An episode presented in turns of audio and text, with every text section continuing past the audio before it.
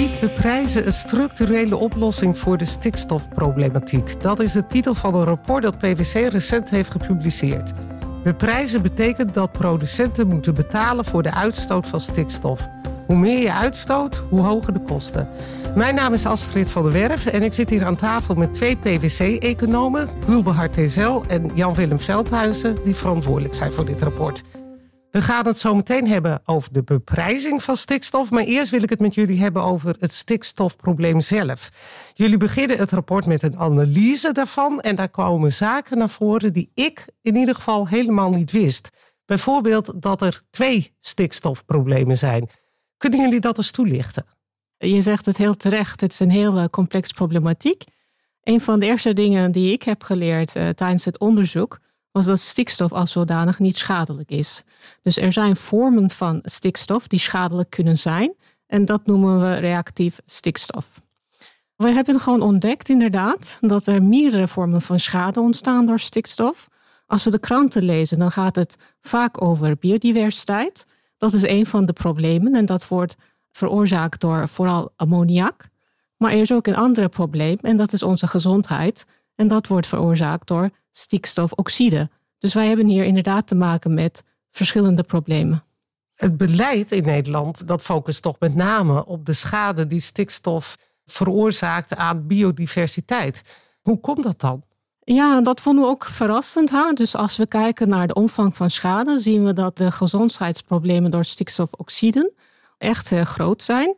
Maar het debat in Nederland gaat inderdaad vooral over de schade aan biodiversiteit. Dat heeft denk ik heel veel te maken met de uitspraak van de Raad van State over het toenmalige beleid, over de natuurgebieden.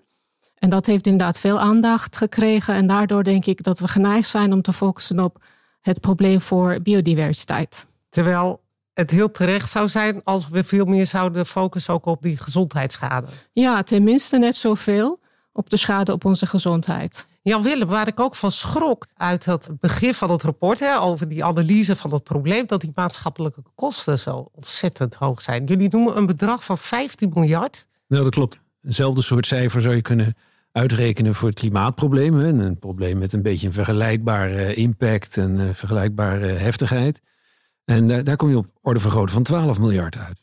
Eigenlijk zou je kunnen zeggen dat economisch gezien het stikstofprobleem schadelijker is voor de Nederlandse samenleving dan het eh, klimaatprobleem. Ja, en waar zitten die kosten dan in? Dat zijn de kosten voor de eh, volksgezondheid, de kwaliteit van de natuurgebieden. Maar eh, kun je die, die kosten nog wat meer uitsplitsen? De schade aan de gezondheid komt doordat die nitraten, die stikstofoxiden die uitgestoten worden, door, met name door transport, hè, door verbrandingsmotoren, die komt in de lucht en die komt in de luchtwegen van ons allemaal. En die leiden tot aantoonbare kortere levensduur, gezondheidsproblemen bij kinderen met name. Ja, dat leidt op latere leeftijd tot kosten voor de gezondheidszorg. En eh, die kosten die kun je becijferen. Als het gaat over biodiversiteit, dan is dat, dat komt door de ammoniak met name. Die andere reactieve vorm van stikstof waar Gulbart net over had. En die wordt uitgestoten vooral door, eh, door, door de landbouw in Nederland die komt op de grond terecht en in het grondwater, vlakbij waar het uitgestoten wordt. En dat heeft als gevolg dat de, dat de biodiversiteit eronder leidt. Dus afgezien even van het morele aspect, dat je biodiversiteit in stand zou willen houden hè, voor de volgende generaties, heeft biodiversiteit ook een grote economische waarde. Een deel van onze pharma, biofarma drijft op innovaties die de natuur voor ons maakt. De focus van het rapport ligt natuurlijk op het beprijzen van stikstof. Hè, als onderdeel van een, van een structurele aanpak om dat probleem op te lossen. Waarom hebben jullie gekeken naar beprijzing? Je hebt gewoon eh, te maken met twee economen hier vandaag. Dus uh, wij hebben inderdaad naar het probleem gekeken met de bril van een econoom. Als economen weten we dat beprijzing werkt. Theorie is best simpel. Theorie zegt van ja, als we keuzes maken over wat we gaan produceren en wat we gaan consumeren, dan houden we geen rekening met de maatschappelijke kosten van onze consumptie of productie. We kijken naar wat de consumptie en productie voor ons doet, maar we kijken niet verder.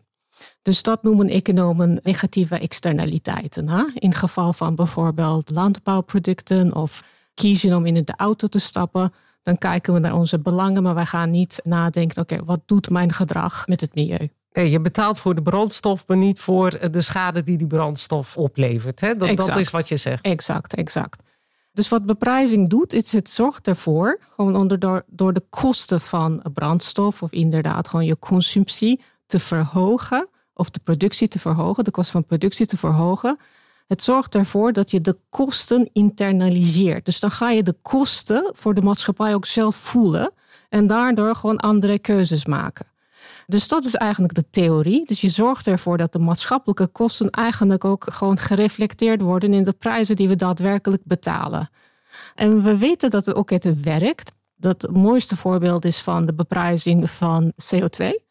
Wij hebben in Europa een uh, hele mooie beprijzingsinstrument, uh, de ETS heet dat. En we zien gewoon dat dat enorm effect heeft gehad in Europa. En Europa gewoon na de invoering van ETS gewoon uh, laat zien dat de CO2-uitstoot daadwerkelijk daalt naar aanleiding of als gevolg van de beprijzing. Ja, omdat de uitstoot van CO2 daardoor duurder wordt, is het ook een prikkel om zuiniger of milieuvriendelijker eh, te produceren. En datzelfde mechanisme dat gaat dan ook op voor stikstof. Exact, exact. En wat het ook mooi maakt, is dat het een structurele oplossing is. Hè? Dus wij hebben nu in Nederland te maken met een, gewoon een crisis. Wij moeten nu inderdaad iets doen. Maar het probleem is structureel. Dus je hebt ook een structurele oplossing nodig. En een beprijzingssysteem is gewoon een structurele lange termijn oplossing. Ja, maar nu is de aanpak van stikstof gebaseerd op het stellen van grenzen aan de uitstoot. Eh, dat wil zoveel zeggen als dat je in gebied X mag je niet meer dan zoveel ton uitstoten. Eh, dat is geregeld in de, in de stikstofwet. En waarom is dat geen structurele aanpak? Het is misschien ook een structurele aanpak, maar ik denk dat het eh, wat nadelen heeft ten opzichte van beprijzing. Op het moment dat de overheid zelf normeert, dus dan gaat de overheid zelf bepalen wie mag uitstoten, hoeveel mag die ene bedrijf uitstoten. Dus eigenlijk gaat de overheid zelf bepalen wat waar wanneer moet gebeuren. Het voordeel van beprijzing is dat je eigenlijk de markt in stand houdt. Hè? Dus dan gaat de overheid niet bepalen wie wat mag doen en wanneer mag doen, waar die eh, ene bedrijf iets mag doen. Maar dat de markt, maar voor de externaliteiten gecorrigeerde markt, gaat toch de allocatie doen. Nou ja, het gaat dus om het handelingsperspectief. Hè? Wat je wel hebt als je beprijst en wat je niet hebt als de overheid vaststelt van zoveel procent moet uh, teruggedrongen worden op deze en deze manier. Je geeft handelingsperspectief, je geeft keuzes. Dus je eh, geeft bijvoorbeeld aan, een, aan iemand die, eh, die ammoniak uitstoot, geef je de keus. Ja, ik, eh, ik kan het op de beste en, en zuinigste en schoonste manier doen. Dat kost mij zoveel. Aan de andere kant staat de keuze van... als ik niet die reductie aanbreng... dan kost me dat zoveel aan het moeten kopen van rechten. Dus ik heb een keus. Ik kan dus verbeteren. Ik word niet gedwongen te sluiten of te stoppen... of, of sommige machines uit te zetten of, of zo. Maar je hebt keuzes. En uh, wij denken als economen over het algemeen dat marktpartijen, of dat partijen die in die business zitten, dat die vaak toch, zeker als ze een beetje geprikkeld worden, tot de betere keuzes komen dan overheden. De overheid is bad at choosing winners, zeggen we altijd. Dat zouden we eigenlijk, zouden economen dat liever aan een markt willen overlaten. Een markt voor bijvoorbeeld rechten op, eh, op uitstoot van stikstof. En dan heb je allemaal de keus. Er zit nog een ander voordeel aan, is dat je dus ook ongelijksoortige partijen. Dus, dus een, een, een, bijvoorbeeld een automobilist die uitstoot. En een landbouwbedrijf dat uitstoot. En een industrie die uitstoot. Allerlei, ze stoten allemaal op een bepaalde manier stikstof uit. Reactieve stikstof. Maar voor de een is het veel goedkoper, wellicht, om daar nou, een flinke hap uit te halen dan voor de ander. En als je een markt hebt, dan zorgt die markt er dus ook automatisch voor dat de goedkoopste oplossingen het eerste worden geïmplementeerd. En daarna pas uiteindelijk de duurdere oplossingen. Dus je eigenlijk voor de samenleving als geheel los je dus het probleem tegen minimale kosten op. Los je ook de uitvoeringsproblemen op? Want het is natuurlijk ook een enorm gedoe. Wat, wat, je nu hebt natuurlijk met het beleid, is bijvoorbeeld een onderdeel daarvan is van boeren laten uh, verleiden om te stoppen. Zo moet ik het eigenlijk zeggen. Verleiden om te stoppen. Van je, je geeft een vergoeding en dan vraag je ze om te stoppen. Maar dat doet natuurlijk ook niet iedereen. Nee, exact. En daarom inderdaad de pleidooi voor beprijzing. Ha? Dus wat eigenlijk wij zeggen is, je moet de markt corrigeren. Je moet de markt niet vervangen ha? met inderdaad een, overheid die inderdaad gaat allokeren en gaat vertellen van jij moet dit doen en uh, jij moet verhuizen en jij moet stoppen. Ha, de corrigeerde markt, vervang de markt niet. Conceptueel begrijp ik jullie wel dat beprijzen heel aantrekkelijk kan zijn. Maar er zitten natuurlijk allemaal haken en ogen aan. En allemaal keuzes, denk ik ook. Waar, waar moet je nou mee rekening houden? Als je dit zou willen invoeren. Ja, dat hebben we gezien in het uh, emissiehandelssysteem van Europa. Hè. Dat hebben we eerst. Je kunt dat niet met één grote klap helemaal invoeren. Dat is politiek onhaalbaar. Dan krijg je echt enorm. Dat, dat, dat, accepteert, accepteren samenlevingen niet. Hè. Je krijgt de lobby's enzovoorts. Dus de enige oplossing die bij ETS goed gewerkt heeft in Europa is geleidelijk aan langzamerhand die scope uitbreiden en steeds meer bedrijfstakken eronder laten vallen. Op een gegeven moment toch de auto-industrie. En nu wordt gesproken over de luchtvaart, die zich uh, nog enorm verzet daartegen. Wat ze bovendien gedaan hebben bij CO2 is dat ze die prijs heel langzaam hebben laten oplopen. Dus dat ze aanvankelijk hadden ze, dus, hebben ze heel veel rechten uitgezet. En dus rechten waren niet schaars, dus de prijs was er niet hoog van. En het beet nog niet echt. Maar gaandeweg zei ze dat wat bijgaan ook onder druk, eh, de positieve druk van de samenleving. Jongens, nou moeten we echt ernst maken. Nou gaan we die prijs wat opdrijven. Dus je hebt een heel mooi, je kunt de, lucht er een beetje uit laten lopen. En dat is dit soort geleidelijk aanprocessen zou je hier ook uh, moeten, moeten gaan doen. Dus welke bedrijfstakken laat je er wel onder vallen? En moet de hele landbouw in één keer, transport ook in één keer of niet? Dat zijn implementatiekeuzes. Jullie geven de voorkeur aan een vorm van beprijzing van stikstof in combinatie met een handelssysteem. Waarom is dat? Ja, een alternatief zou kunnen zijn om een heffing in te voeren. Er zijn eigenlijk twee, twee smaken voor de econoom. Dat is een handelssysteem of een heffing, een, een belasting. Het nadeel van een heffing is dat je in één keer die heffing een beetje op, een goede, op het goede niveau moet zien te krijgen om het gewenste resultaat te bereiken. En je hebt geen idee hoe hoog die heffing precies moet zijn. Moet die 10 zijn, 20, 30? En bij heffingen is het zo dat je die hoogstens laag kan inzetten en dan wat verhogen. Maar dat is lastig. Politiek altijd. Dat is eigenlijk zelden dat belastingen nog met stappen omhoog kunnen gaan als je hem eenmaal hebt ingevoerd. Dan zegt iedereen eh, dat, dat is onacceptabel. Terwijl die flexibiliteit van een handelssysteem is dat je door, nou ja, door, door de hoeveelheid rechten te variëren, laat je de markt bepalen wat die prijs is. En dus je kunt veel makkelijker, veel flexibeler naar je doel komen dan bij een heffing. Jullie hebben heel goed gekeken naar het EU-ETS, zoals je dat noemt, hè, de CO2-beprijzing in Europa. Zou dit dan ook Europees moeten worden ingevoerd? Dat denken we van wel. Hè? Dus stel je voor dat we dat in Nederland zouden invoeren. En stel je voor dat het makkelijk is hè, om bijvoorbeeld de landbouwproducten gewoon inderdaad gewoon te exporteren of te importeren. Dus het resultaat zou kunnen zijn dat we in Nederland gewoon minder landbouwactiviteiten hebben, maar de totale aantal hoeveelheid geconsumeerde landbouwproducten of de manier waarop we dat doen niet verandert in Europa omdat het inderdaad gewoon net eh, wat we niet in Nederland gewoon doen, vervangen wordt ergens anders waar uh, geen uh, beprijzing is. Dus daarom zeggen we van, ja, als je het op niveau van Nederland moet doen, moet je echt heel goed weten dat het, het de kans op wat we stikstoflekkage zouden noemen, gewoon heel gering is. Dus we pleiten inderdaad voor een Europese oplossing.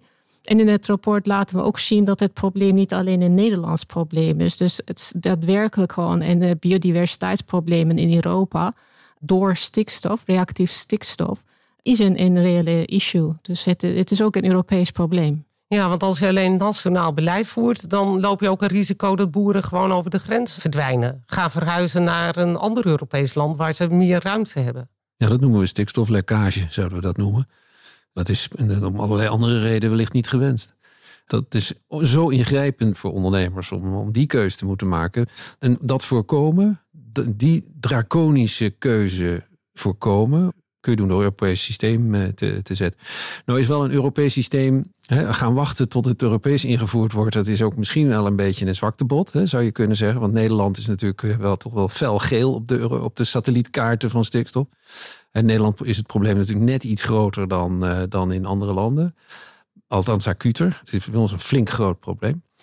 Maar daar staat dan tegenover dat als je in Nederland hier gedwongen door die omstandigheid sneller, wat, licht wat sneller moet gaan dan in andere landen, dat heeft ook wel weer zo'n voordeel. Dat heeft Nederland heel vaak in de geschiedenis laten zien, ook in de landbouw. En Nederland gedwongen door het feit dat we een heel klein, matig klimaatlandje waren, heeft geleid dat noemen we het Porter-argument, het Michael Porter-argument. Het heeft ertoe geleid dat Nederland de meest efficiënte landbouw ter wereld heeft. en de op één na grootste landbouwexporteur ter wereld geworden zijn. Dat is niet omdat we het allemaal zo makkelijk hadden. De beste grond ter wereld en de grootste en het ruimste. Nee, dat was juist omdat we enorm veel uitdagingen hadden. En ja, ik wilde dus niet verpleiten dat wat allemaal zo. Maar, maar het, is, uh, het is wel degelijk, biedt het ook kansen een beetje voor oplopen in, dit, uh, in zo'n dossier als dit.